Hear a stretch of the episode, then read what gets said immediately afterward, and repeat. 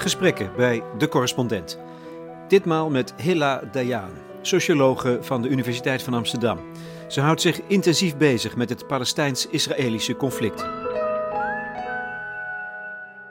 Ja, Israël en Palestijn is uh, een vulkano, noem ik het. Uh, het is soms een beetje een rustige vulkano, maar het ontploft regelmatig. En uh, het heeft te maken met lange geschiedenis natuurlijk.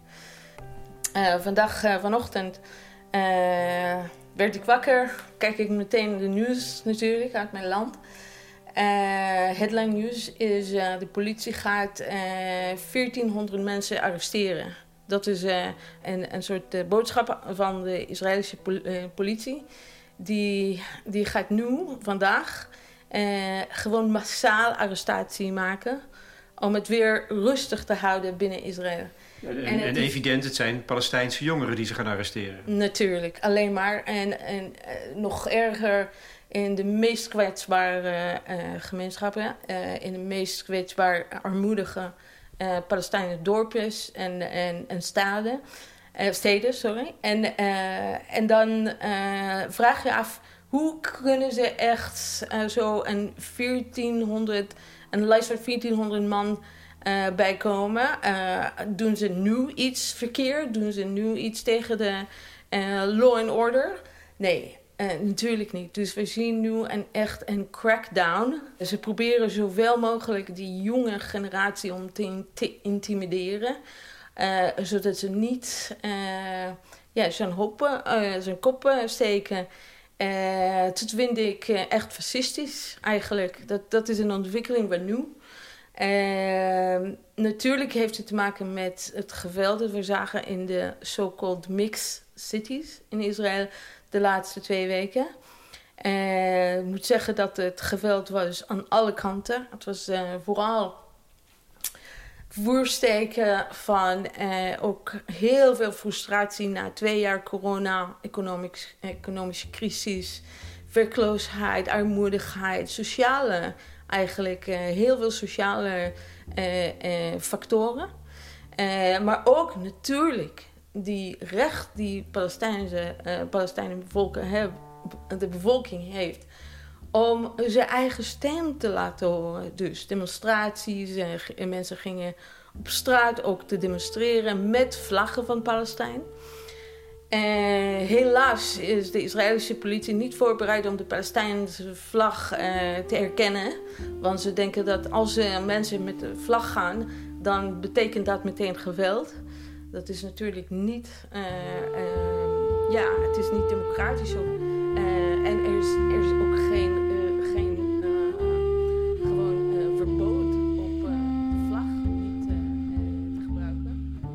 Het is een vulkaan, een kruidvat, Israël. Onlangs werd daar weer eens een lont in gestoken. Voor veel Israëli's is het duidelijk dat dit gebeurde op instigatie van Bibi Netanyahu. Sinds 2009 premier van het land middels provocaties door extreemrechtse religieuze groeperingen. De bestorming van een moskee op de laatste dag van de Ramadan is zo'n daad van provocatie. Huiszettingen vormen een andere. Ik heb Hilla de Jaan opgezocht om de context te schetsen. Wat staat er op het spel? Gaan we een nieuwe fase in van dit eindeloos zich voortslepende conflict? De Jaan is socioloog en doseert aan de Universiteit van Amsterdam. De afgelopen maand heeft ze zich met haar studenten verdiept in de human condition van Hannah Arendt. En ze heeft zich als Israëlische academica uitdrukkelijk uitgesproken voor de rechten van het Palestijnse volk. Dat zijn 4 miljoen mensen die feitelijk sinds de oprichting van de staat Israël in 1948 een leven leiden van rechteloosheid. Israël probeert altijd die bezetting en de status van de Palestijnse burgers eh, als te normaliseren. Dus de, de wereld te laten zien en zijn eigen burger te laten zien dat het eigenlijk geen bezetting is. Dat het eigenlijk heel normaal is dat 4 miljoen mensen zonder rechten eh, onder, eh, eh, onder Israël eh, wonen en leven. Maar het is niet normaal. En het, is, eh, het heeft te maken met hoe de stad regelmatig en systematisch uh, uh, mensenrechten niet respecteert.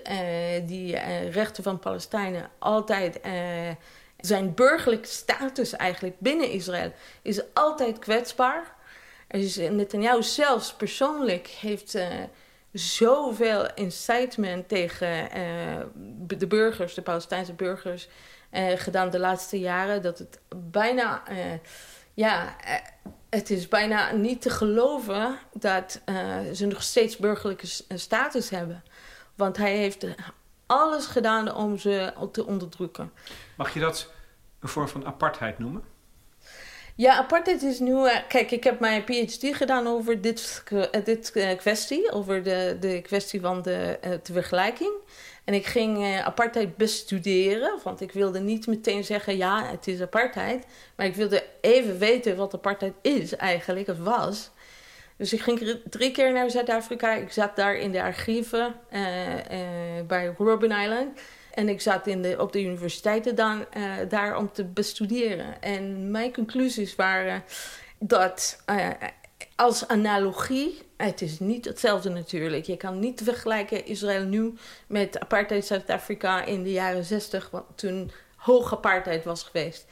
Uh, tegelijkertijd, ik denk dat ik noem het regime of separation. Ik noem het wel, ik vind wel dat de, het regime in Israël, als je al het hele geheel ziet uh, van wat gebeurde binnen Israël en in de bezette gebieden, dan kan je wel zeggen dat er is een structuur van ongelijkheid die zo, um, ja, en vooral niet alleen maar de ongelijkheid en scheiding bij rechten, maar, maar gewoon de manier waarbij mensen gecontroleerd worden, mensen zijn onder, onder, onder druk uh, gezet worden dit manier is wel vergelijkbaar. Want je ziet ook uh, in de apartheidtijden hoe mensen moesten met de bureaucratie van zijn blanke uh, regering bemoeien.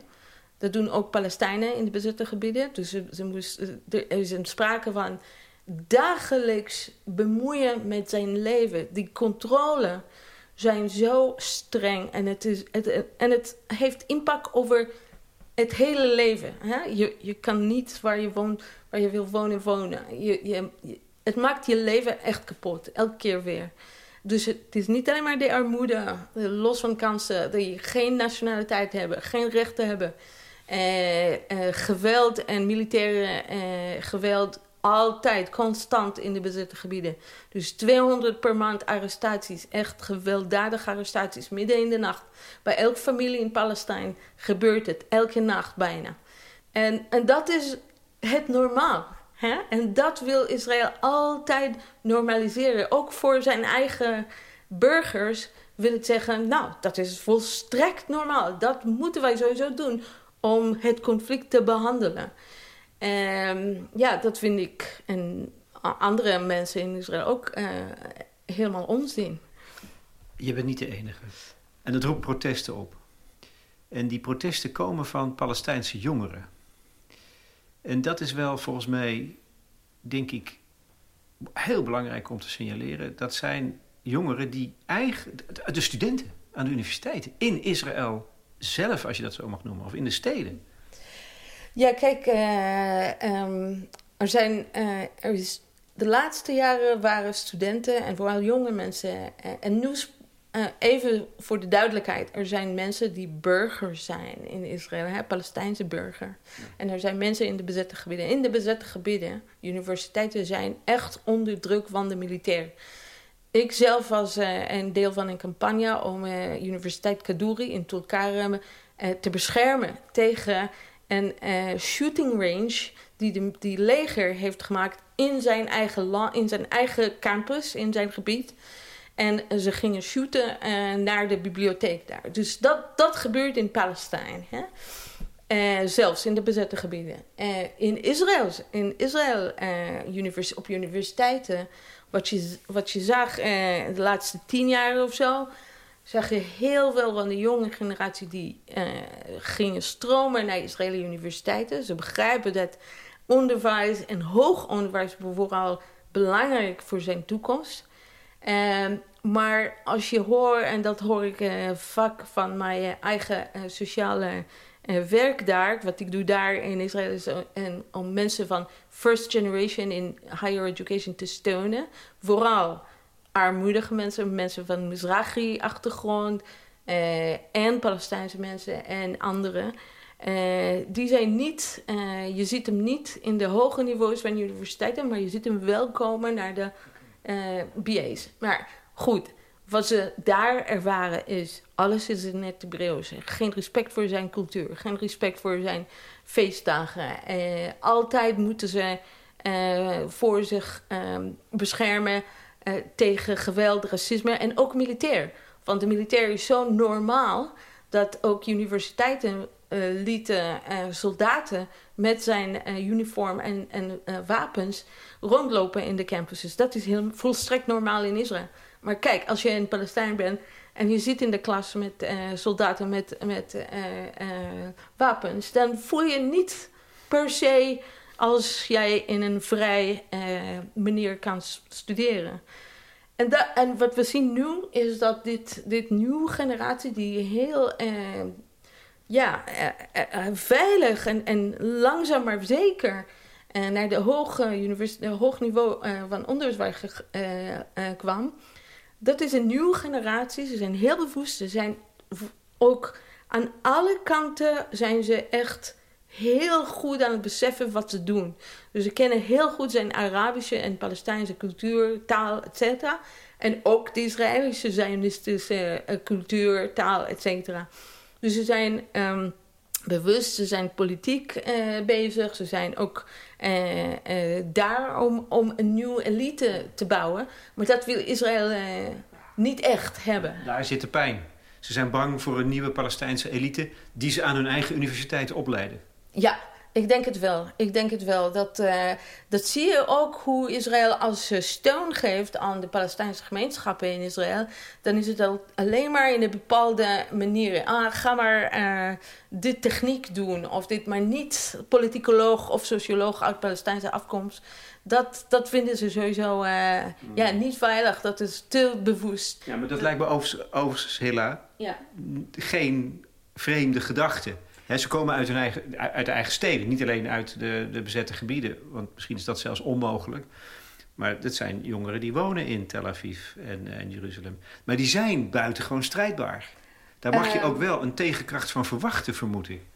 Ja, kijk, wat, wat we zagen in de crisis van de afgelopen twee weken is dat uh, mensen waren bang om in zijn uh, university dorms te blijven. Want er gingen uh, gangs van recht, rechtse gangs uh, van vigilantes, uh, groepen, groeperingen. Het zijn een soort kno- ze... rechtsfascistoïde knokploegen. Absoluut. En, en ze gingen zo rondlopen om Ara Arabieren te zoeken om ze geweld te plegen.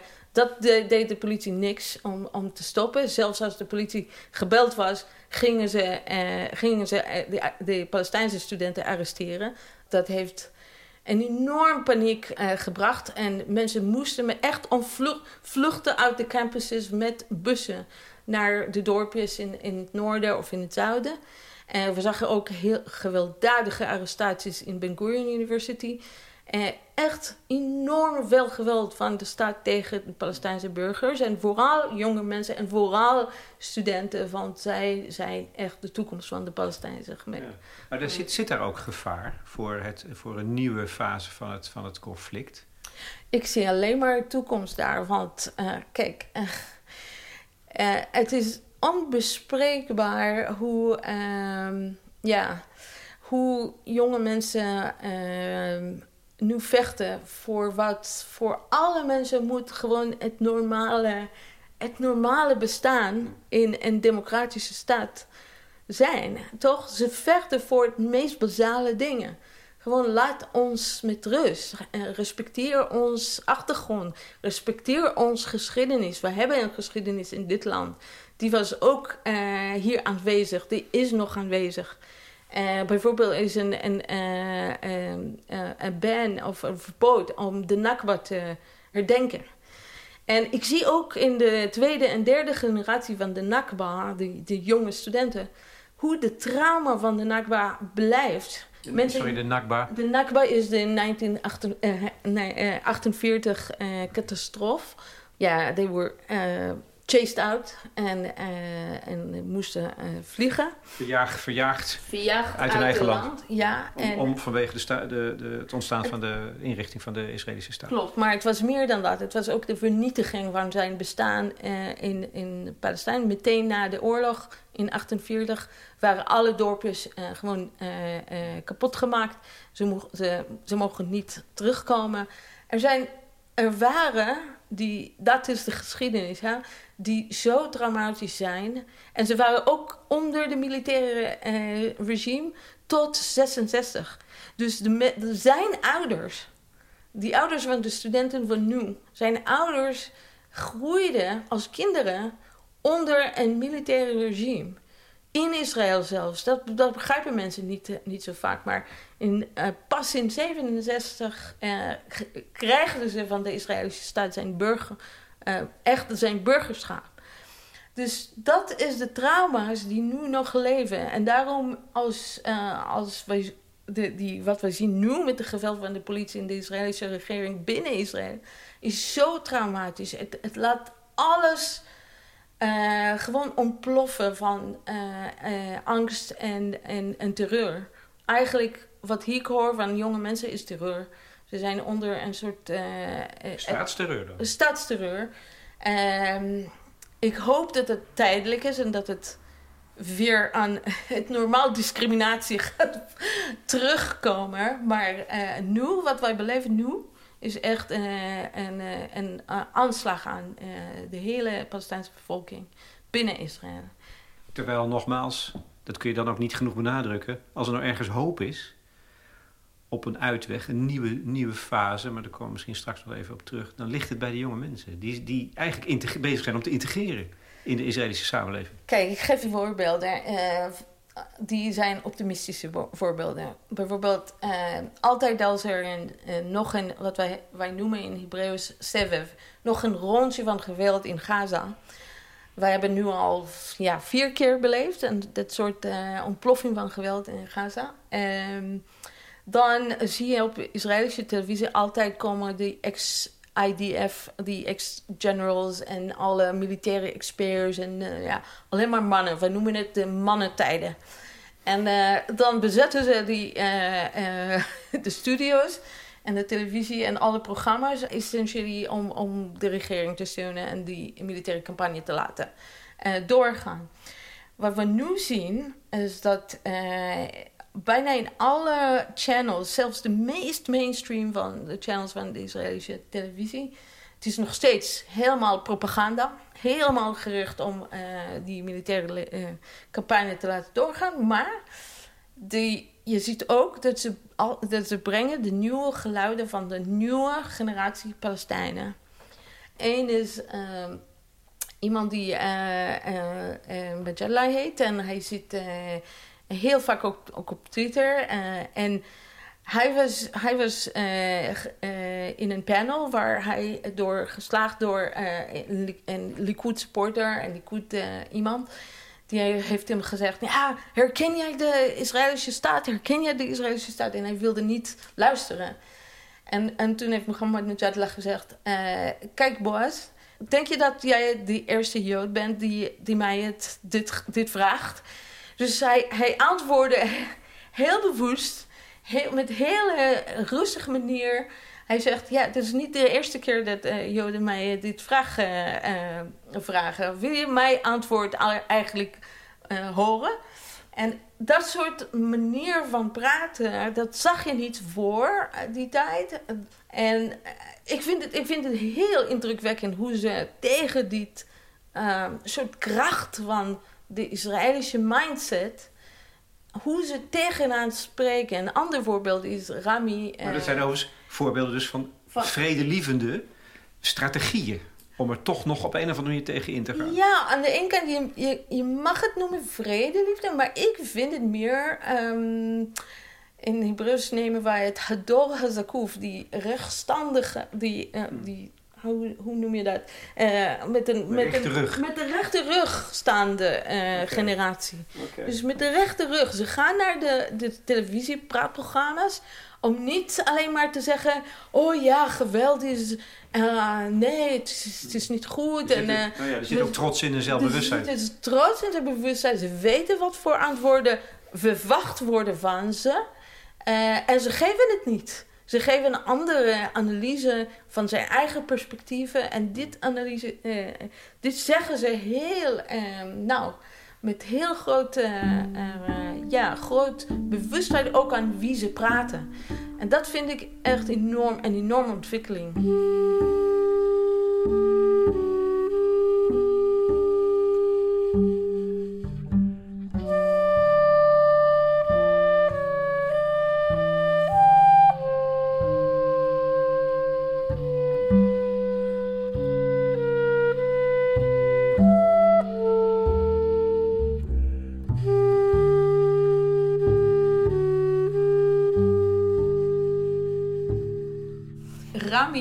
Rami Younes is ook een journalist eh, in uh, Israël. En hij is in, in, Lid, in Lydia geboren. In Lid waar heel veel geweld was de laatste twee weken.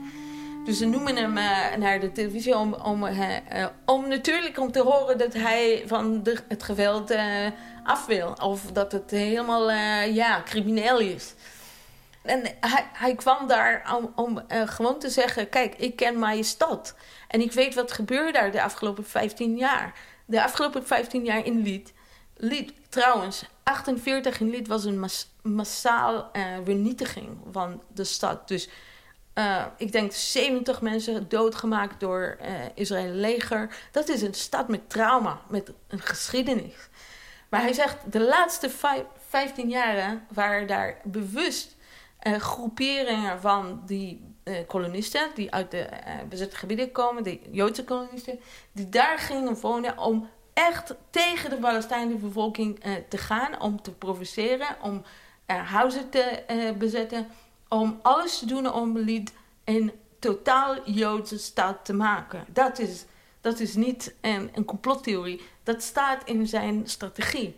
Want ze weten dat het meest Israëliërs willen niet in de bezette gebieden gaan koloniseren. Ze willen niet in de, in, de bezette, in de bezette gebieden gaan wonen. Zelfs als jij een groot villa daar geeft.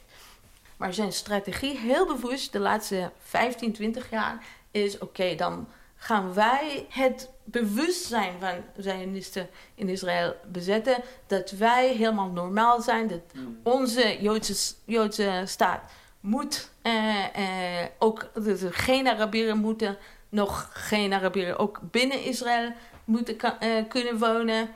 En kijk, en als je dat ziet, en Rami heeft het gezegd op televisie. Op een gegeven moment wilde die interviewer alleen maar horen van hem dat het geweld van Palestijnen helemaal fout is. En uiteindelijk ontploft Rami en hij heeft gezegd: Je wil mij een soort een poppetje Palestijn maken, maar dat wil ik niet worden. Ik ben niet jouw Palestinië poppetje hier. Als ik dat hoor op televisie, op mainstream Israëli televisie, en ik zie hoe hij de Palestijnse narratief ook, uh, het geluid ook laat, laat uh, horen, dan ben ik trots op uh, van dit generatie. Dit is de generatie die nu wordt vernietigd eigenlijk, of wordt onderdrukt om ze niet te koppelen laten staan. Mensen, toekomst is in gevaar. Zijn hele toekomst, zijn toekomst ook op universiteiten is in gevaar. Ze willen misschien niet terugkomen naar de campuses, want ze vinden het niet veilig daar. Kijk, dat, dat, staat op het spel op dit moment en dat is jammer. Dan zeg je, dat is het eufemisme van de dag, uh, Hela. Uh, ik las in de Groene Amsterdammer van vorige week een stuk van Rutger van der Hoeven. Die citeert Menachem Klein. Dat is een hoogleraar politicologie aan een van de universiteiten in Israël. En die signaleert een ontwikkeling, een bredere ontwikkeling. Dat vond ik wel interessant. Het verschuift op de lange termijn van een strijd, een militaire strijd om territorium, om land. Hè, van wie is het land? Naar een etnische strijd. Deel jij die visie? Ehm, kijk, ehm, ik denk dat die normaliseren van de bezetting heeft... Uh, het is zo diepgaande. En Nederland heeft ook iets te maken. De hele internationale gemeenschap heeft iets te maken met het normaliseren van Israëls bezetting. Wij steunen dat. Wij ondersteunen dat officieel, oh, diplomatiek. Officieel, diplomatiek. We geven Israël altijd de voorrang. Maar, maar, dat is dus een permanente schending van de mensenrechten. Absoluut, en dat, dat wil Israël gewoon negeren. En wat ik zie nu, ik denk dat het was altijd een etnisch uh, conflict. Ja. En altijd ook uh, sociaal-etnische aspecten van het conflict. Uh, maar ik heb een andere framing voor wat is nu gebeurd. En het is. Um, ik zal proberen om het niet zo academisch uit te leggen. Maar ik heb net een paper over geschreven. Voor mij betreft, de beste manier om het te beschrijven is zo. Wij hebben een dual state. Ik bedoel bij een dual state niet een democratie hier en een dictatuur in de bezette gebieden. Maar in grote lijnen, dat is het ook zo. Uh, maar als je al het algemeen kijkt en je ziet dat Israël soevereiniteit heeft over het hele gebied, inclusief Gaza, by the way, uh, dan zie je hoe het werkt. Wat werkt is, je hebt een soort, uh, een, een soort rule of law ergens en je hebt militaire dictatuur ergens. Hoe ziet het eruit? Hoe zit het bij elkaar, zeg maar? Hmm. Dat was altijd zo. Dat was altijd zo vanaf het begin. Vanaf de stichting van de staat van Israël had je aan de ene kant die normatief, die, die, die hele parlementaire, die hele liberale kant. En je had altijd de state of emergency, militaire regels, militaire regime aan bepaalde mensen, zelfs de Palestijnen. Maar die lepen die twee die, ja, die twee mindsets die liepen totaal door elkaar vanaf het begin. Die liepen totaal door elkaar, maar ze hangen ook met elkaar vast. Dus je moet zorgen dat die uh, dictatuur altijd een beetje aan de normatieve kant hangt. En zelfs andersom, zelfs andersom. Die, die normatief staat, die, die rule of law staat, moet steun geven aan de dictatuur. Het moet een, een, een goedkeuring geven. En dat zie je altijd met de Israëlische uh, uh, justice system. Hè? Hoe het uh, gewoon een soort rol speelt in de, bezet, in de bezetting. Nou, in mijn analyse, wat gebeurde de laatste twee jaar, is dat terwijl je in de bezette gebieden een hele stabiele systeem van heel controlerende, stabiele systeem van onderdrukking. Die echt aan alle kanten van het leven van de mensen, alle kanten bepaalt. Dus dat heb je daar en het is heel stabiel. Niks heeft veranderd sinds de jaren 2000 ongeveer. Toen de, die muur was uh, aan, het, uh, uh, aan het bouwen. Het is, sinds de tweede intifada is nergens een, een ontwikkeling daar geweest. dus we kunnen spreken van 2006, die siege over Gaza, tot nu geen verandering in de bezet gebieden. Dus de dictatuur blijft heel stabiel. En heel effectief, moet ik zeggen. Effectief in de onderdrukking.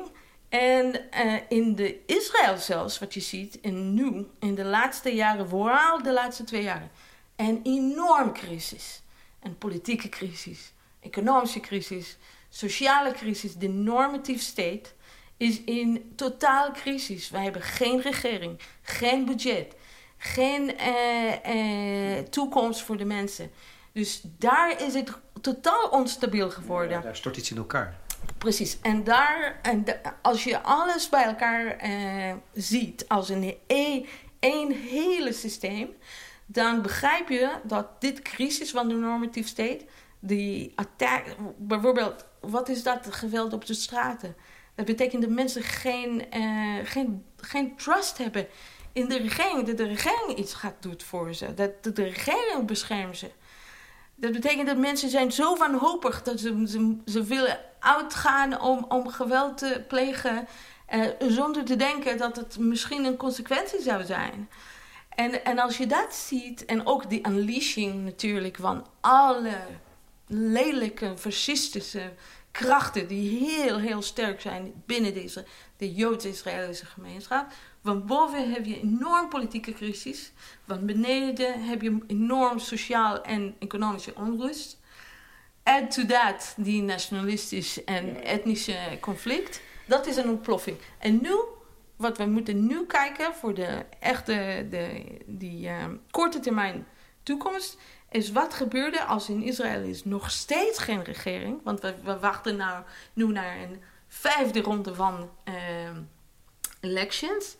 Dus als er nog steeds geen regering is en nog steeds alles is nog steeds aan het, echt aan het bewegen daar. Wat gebeurt er nu in de, in de bezette gebieden? Want het kan, het kan niet zijn dat één kant uh, onrustig is en de andere blijft zo stabiel.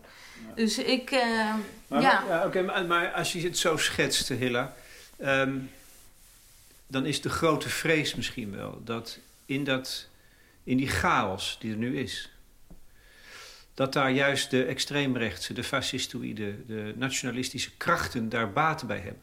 He, dat dat het moment is om naar buiten te treden en te zeggen: wij gaan dat oplossen. Niet alleen maar aan die militaire dictatoriale kant die er al was, maar ook aan die andere, nog steeds democratische kant.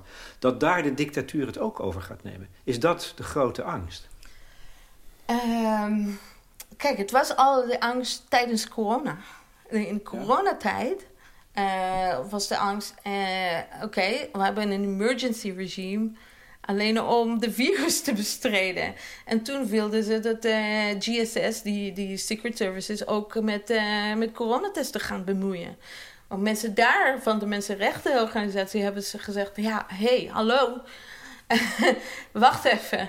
Wij moeten die, die normale, um, ja, die de normatieve staat hier defenden. Uh, te, ja, dat, dat was die, al. Die, die, tendens is er dan al. Die tendens was al. En eigenlijk, het, is, het was niet uh, helemaal anders dan wat gebeurde ergens anders in de wereld. Maar daar is het natuurlijk ja. meer gevaarlijk, natuurlijk. Maar wat ik uh, merkte is dat toen tijdens de coronacrisis heeft de GSS eigenlijk niet wilde. Hij, hij wilde niet zijn krachten uh, oefenen aan uh, Israëlische burgers, Joodse burgers. Want nu is hij wel mee bezig met steun geven aan de politie met uh, arrestaties, et cetera. Nu. Maar toen, voor corona, wilden ze eigenlijk die, die grenzen goed, goed zetten van zijn macht. Um, wat ik... Ja, dat kan je nog begrijpen. Zo van het, ja, anders, anders komen wij zelf ja, in discrediet te staan omdat we ook onze eigen burgers raken. Klopt, maar het heeft ook te maken met de structuur van de dual state. Hè? Ze moeten zorgen dat de normatief blijft, want als dat kapot gaat, dan is alles kapot. Dan is geen uh, Joodse democratische staat. En dat wilden ze natuurlijk houden. Of, of zeggen ze. Natuurlijk, natuurlijk. Ja, natuurlijk. Ja. ik weet niet hoe, in welk kamp die, uh, de, de veiligheidsdienst zit. Is dat niet helemaal onderdeel van het militaire regime. Oh ja, zeker. Er is zeker een deel van. Uh, maar tegelijkertijd, je ziet heel veel van de, uh, die security uh, generals, die zijn anti-Bibi, anti-Netanyahu. Ja. Want ja, voor hun, nou, alle krachten zijn van, van ze, ook sociaal en economisch trouwens, komen uit dit dual state structuur. Dus als de structuur gaat kapot, gaat ze ook kapot. kapot. En gaat zijn macht ook kapot dat moeten ze voor zorgen dat het niet, om te voorkomen dat de structuur blijft. En dit is een autoritaire structuur, dit is geen democratische structuur. He, de dual state uh, die komt uit de jaren 40, die is uh, van Jacob Frenkel. Hij was een Joodse vluchteling van de nazi's. Hij heeft het bedacht toen hij bestudeerde die Eerste uh, Wereldoorlog en hoe daar ging het met liberale orde terwijl je militaire bezetting heeft. En het komt uit het idee dat het geen democratie is, maar gewoon een, een, een, soort, een soort autoritaire uh, structuur. Waar de normatief een, hele belangrijke rol speelt met het blijven bestaan van de dictatuur. Zo. Nou ja, dit is, ik, ik had eh, de twee interviews met Willem Schinkel. En een van die interviews zegt hij met zoveel woorden dat uh, de liberale orde heeft het fascisme nodig. Uh, omdat ze zelf geen vuile handen willen maken aan geweld. Maar dat doet dan de fascistoïde kant ervan. Er wordt geweld uitgeoefend. In naam van die democratische orde. En dat vond ik, dat is een, een inzicht dat je bijna niet hoort. Maar dat, dat, dat herhaal je nu met zoveel woorden. Ja, ik denk dat ik en uh, Willem uh, komen uit dezelfde, misschien theoretische kant. Want kijk, ik geloof in maatschappij en maatschappelijke krachten. Ik geloof, niet, ik geloof dat heel veel van onze ellende binnen de Joodse Israëlische maatschappij komt uh, vanwege het speel, het heel gevaarlijke speel van Netanyahu nu. Dus het komt ook van boven en het komt ook uh, vanwege. hij speelt krachten tegen elkaar uit. Ja, als, ja, en hij is echt geniaal in. En het was net het moment, net voor dit allemaal ontplofte weer. Het was net het moment waar hij was echt op het uh, punt van het eind van zijn regime te zien. En um, ja, het is, het is niet een coincidence. En niemand, niemand denkt dat het uh, gebeurt is zomaar. Maar het was, ja, hij is geniaal in hoe hij speelt, dit kracht speelt, dit macht speelt. Maar tegelijkertijd, ik geloof in de. Ik geloof altijd in mijn eigen. Zelfs als de fascistische krachten zijn, zelfs als iedereen zo. Uh, ja, uh, echt met propaganda is opgevoed met een, een bepaalde propaganda, een bepaalde manier om de wereld te, zijn wereld te kijken en zonder de geluiden en de ervaring van de Palestijnen te begrijpen of te erkennen, de trauma's die zij ervaren en zo. Uh, zelfs tegen dat begrijpen mensen, ik denk dus ook nu, dat uh, het, ze kan niet weggaan. En ze willen niet weggaan en ze, ze, ze gaan nergens naartoe. Ze zijn daar, Palestijnse bevolking, om te blijven. Wat doe je dan met dit soort bewustheid? En wat je ook ziet nu aan de kant van de licht, is hoe dit uh, ellende van de laatste twee weken heeft ook allerlei gewone mensen gebracht om, uh, om initiatieven van uh, Joods en Arabieren samen te stichten. Um, enorm veel van uh, reacties die niet alleen maar voor geweld uh, luiden, maar ook voor een ander, anders denken aan het, aan het gewoon aan het leven. En iedereen wil veilig, veilig, veilig leven, prosperous leven, hè? goede leven. Bibi uh, Netanyahu heeft altijd uh, het beloofd, uh, beloofde aan de, aan, de, aan de volk dat Israël is sterk, Israël is succesvol, Israël is de beste in de economie, Israël is de beste in dit en dat. Maar als je op de cijfers kijkt, wie heeft het goed in Israël en wie niet? Dan zie je dat het een grote, echt een, een groot, als je een groot verpakking is. Hij is een goede uh, business manager, een, een, een soort uh, makelaar, Bibi. Ja, voor, voor, dat is, de, als je echt ziet wat gebeurde met de cijfers, dan begrijp je ook dat de staat Israël kan niet zonder die Palestijnse bevolking om, om, om te laten komen, om te laten integreren in de economie, om zelfs uh, die... Ja, Bibi heeft ooit gezegd, wij doen het uitstekend met de OECD. Als je, als je niet de, de ultra-orthodox en de Palestijnen uh, in, in, in de calculation brengt. Ja, dus wij doen het uitstekend zonder hun. Maar helaas, ze zijn er. Ze zijn er om te blijven. En ze hebben ook geschiedenis. En ze hebben ook zijn eigen narratieven. En ze hebben ook zijn eigen trauma's. Het is niet alleen de Joodse mensen die trauma's hebben. Zoals de Nederlandse mensen denken. Heel veel mensen denken dat het gaat alleen maar over de Joodse trauma. Maar ze begrijpen helemaal niks van wat, uh, wat we trauma wij bespreken met onderdrukking van Palestine, Palestijnse mensen.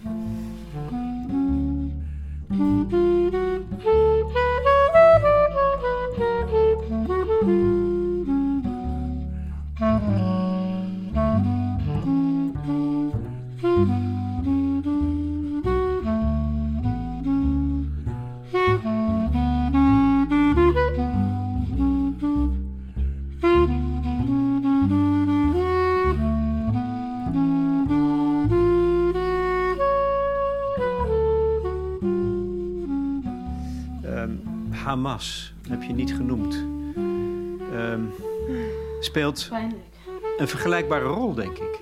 Hij heeft ook een voordeel bij geweld, ontwrichting, onlust. Om maar geweld te kunnen blijven uitoefenen. Dat moet je toch ook hardop kunnen zeggen. En ten koste van die, die talentvolle jonge Palestijnen. Absoluut. Uh, kijk, ik ben uh, in Israël tot mijn dertigste uh, gewoond. Ik was de generatie van de jaren negentig. Ik uh, bloeide, ik was student in de jaren negentig. Uh, ik heb meegemaakt aan de Hamas-terreur binnen Israël. Het was, elke dag was, kon er iets gruwelijks gebeuren. Je, wilde niet op de bus gaan, je wilde niet op straat gaan lopen, je wilde niet naar de markt, want je wist niet wat gaat gebeuren. Dus dat is de terreur dat ik meegemaakt heb in de, in de jaren negentig.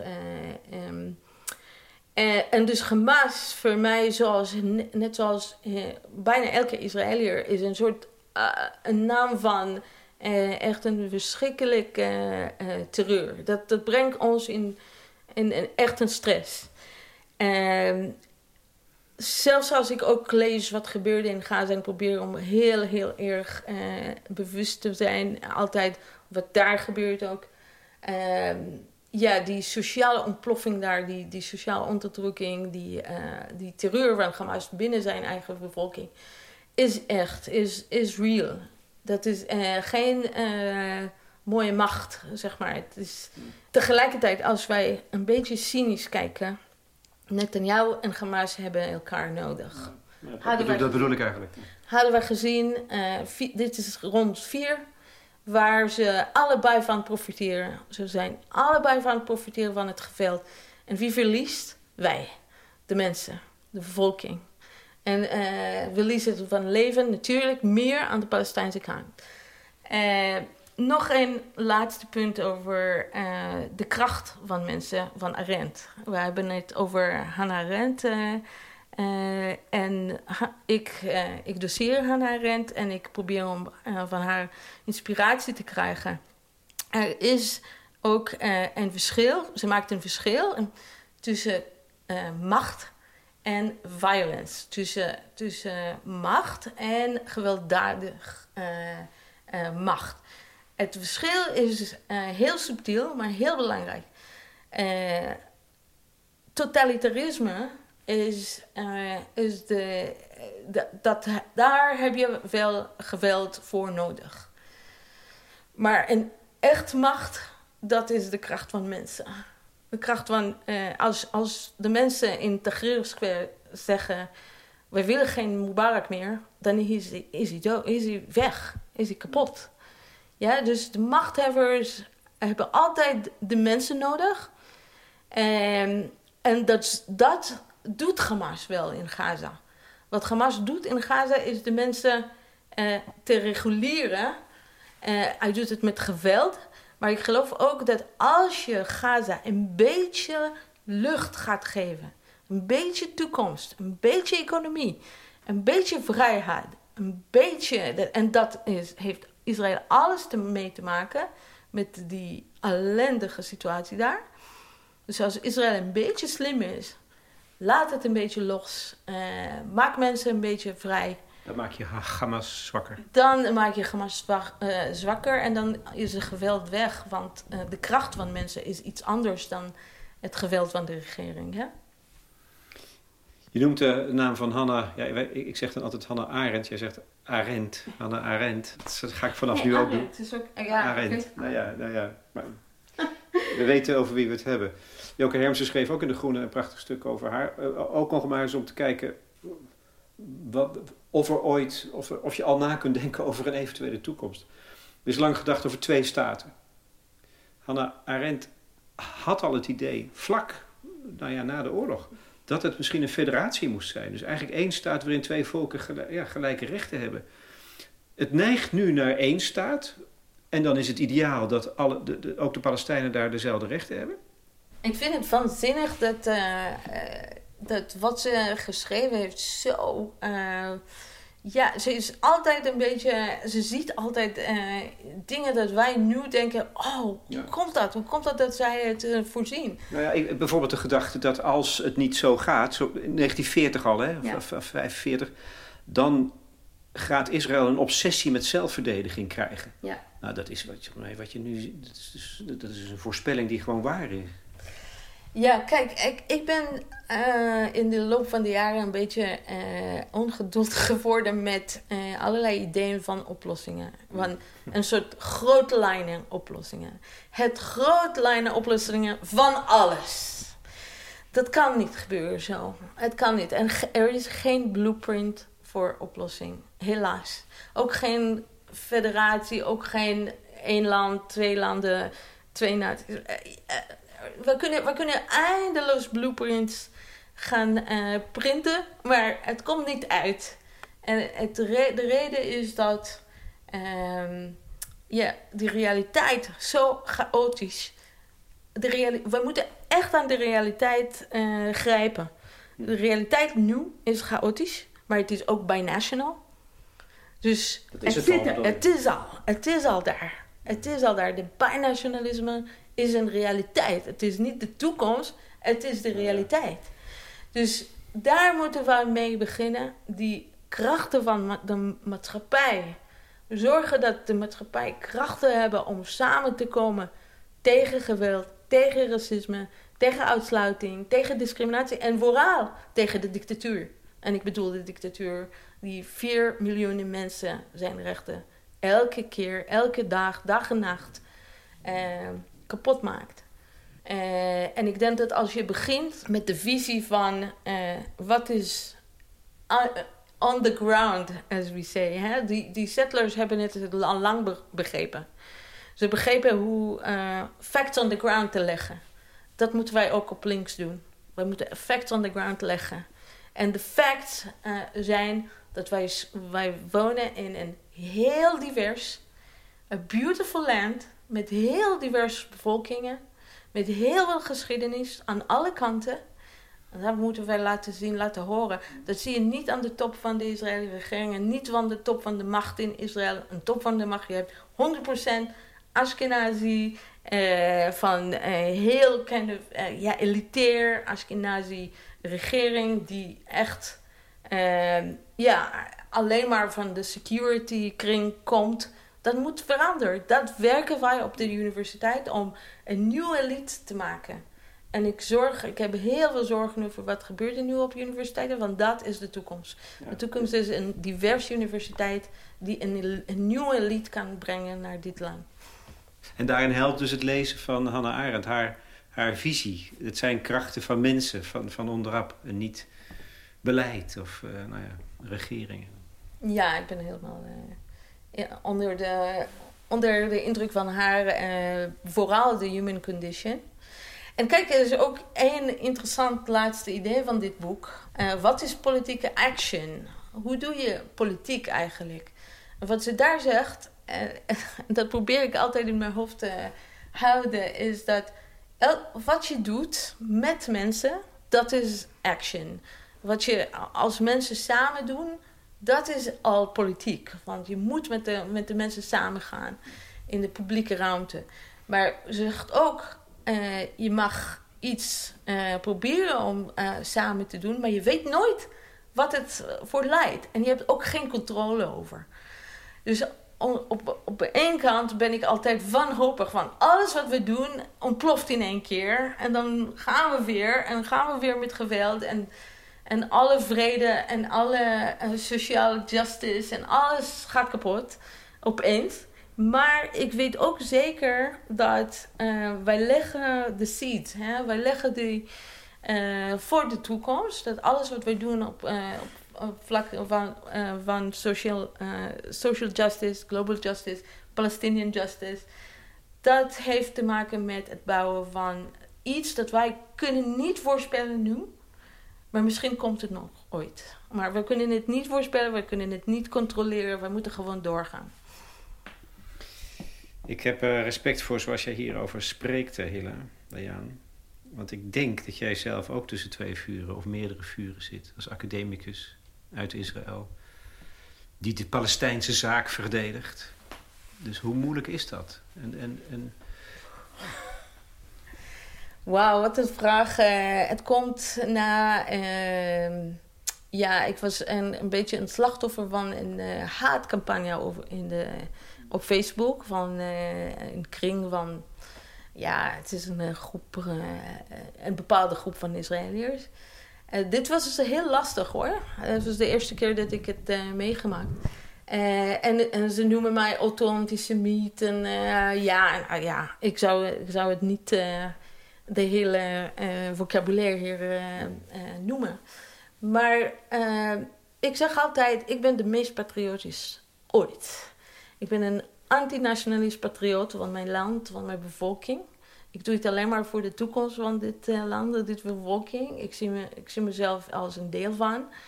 Uh, ik uh, opvoed mijn kinderen als Israëliërs met heel veel liefde voor Israël. Dus ik, ben, ik heb een veel kritiek, maar de liefde voor Israël heb ik altijd. En dat breng ik ook aan mijn kinderen. want ik scheid tussen ehm, ja, de kwaad en, de, en die, die, die lelijkheid en, en de mooiheid en wie ik ben. Ik ben wie ik ben, ik ben daarop gegroeid. Dit is mijn taal, Hebreeuws is mijn taal, Joods is mijn cultuur, mijn etnische identiteit.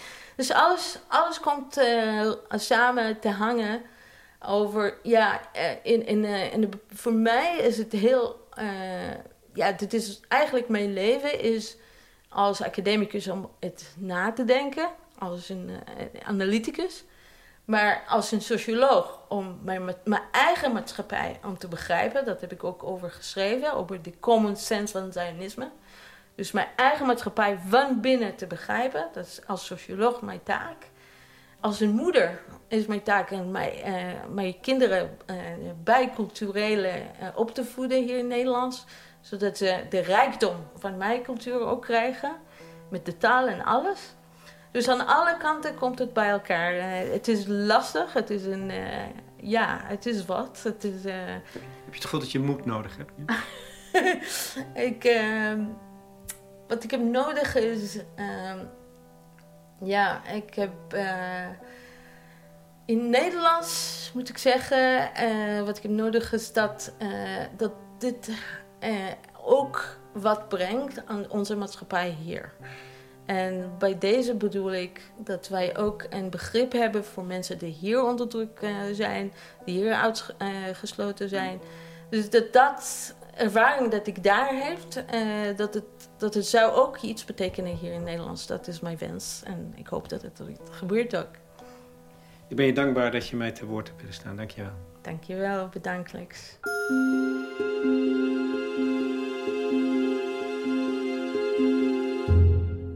Hilla Dayan van de Universiteit van Amsterdam in gesprek met Lex Bolmeijer voor de correspondent. Het laatste woord zal hier niet over gezegd zijn. De correspondent beschikt over een bijdrage-sectie waar leden hun ervaring kunnen delen en met elkaar in discussie treden. En je bent al lid voor zeven tientjes per jaar. Daar krijg je dan een jaar lang onafhankelijke journalistiek voor voorbij de waan van de dag. Sterker, je kunt mee vaststellen wat de waan van de dag is. In deze podcast gebruikte ik muziek van het album Amulet.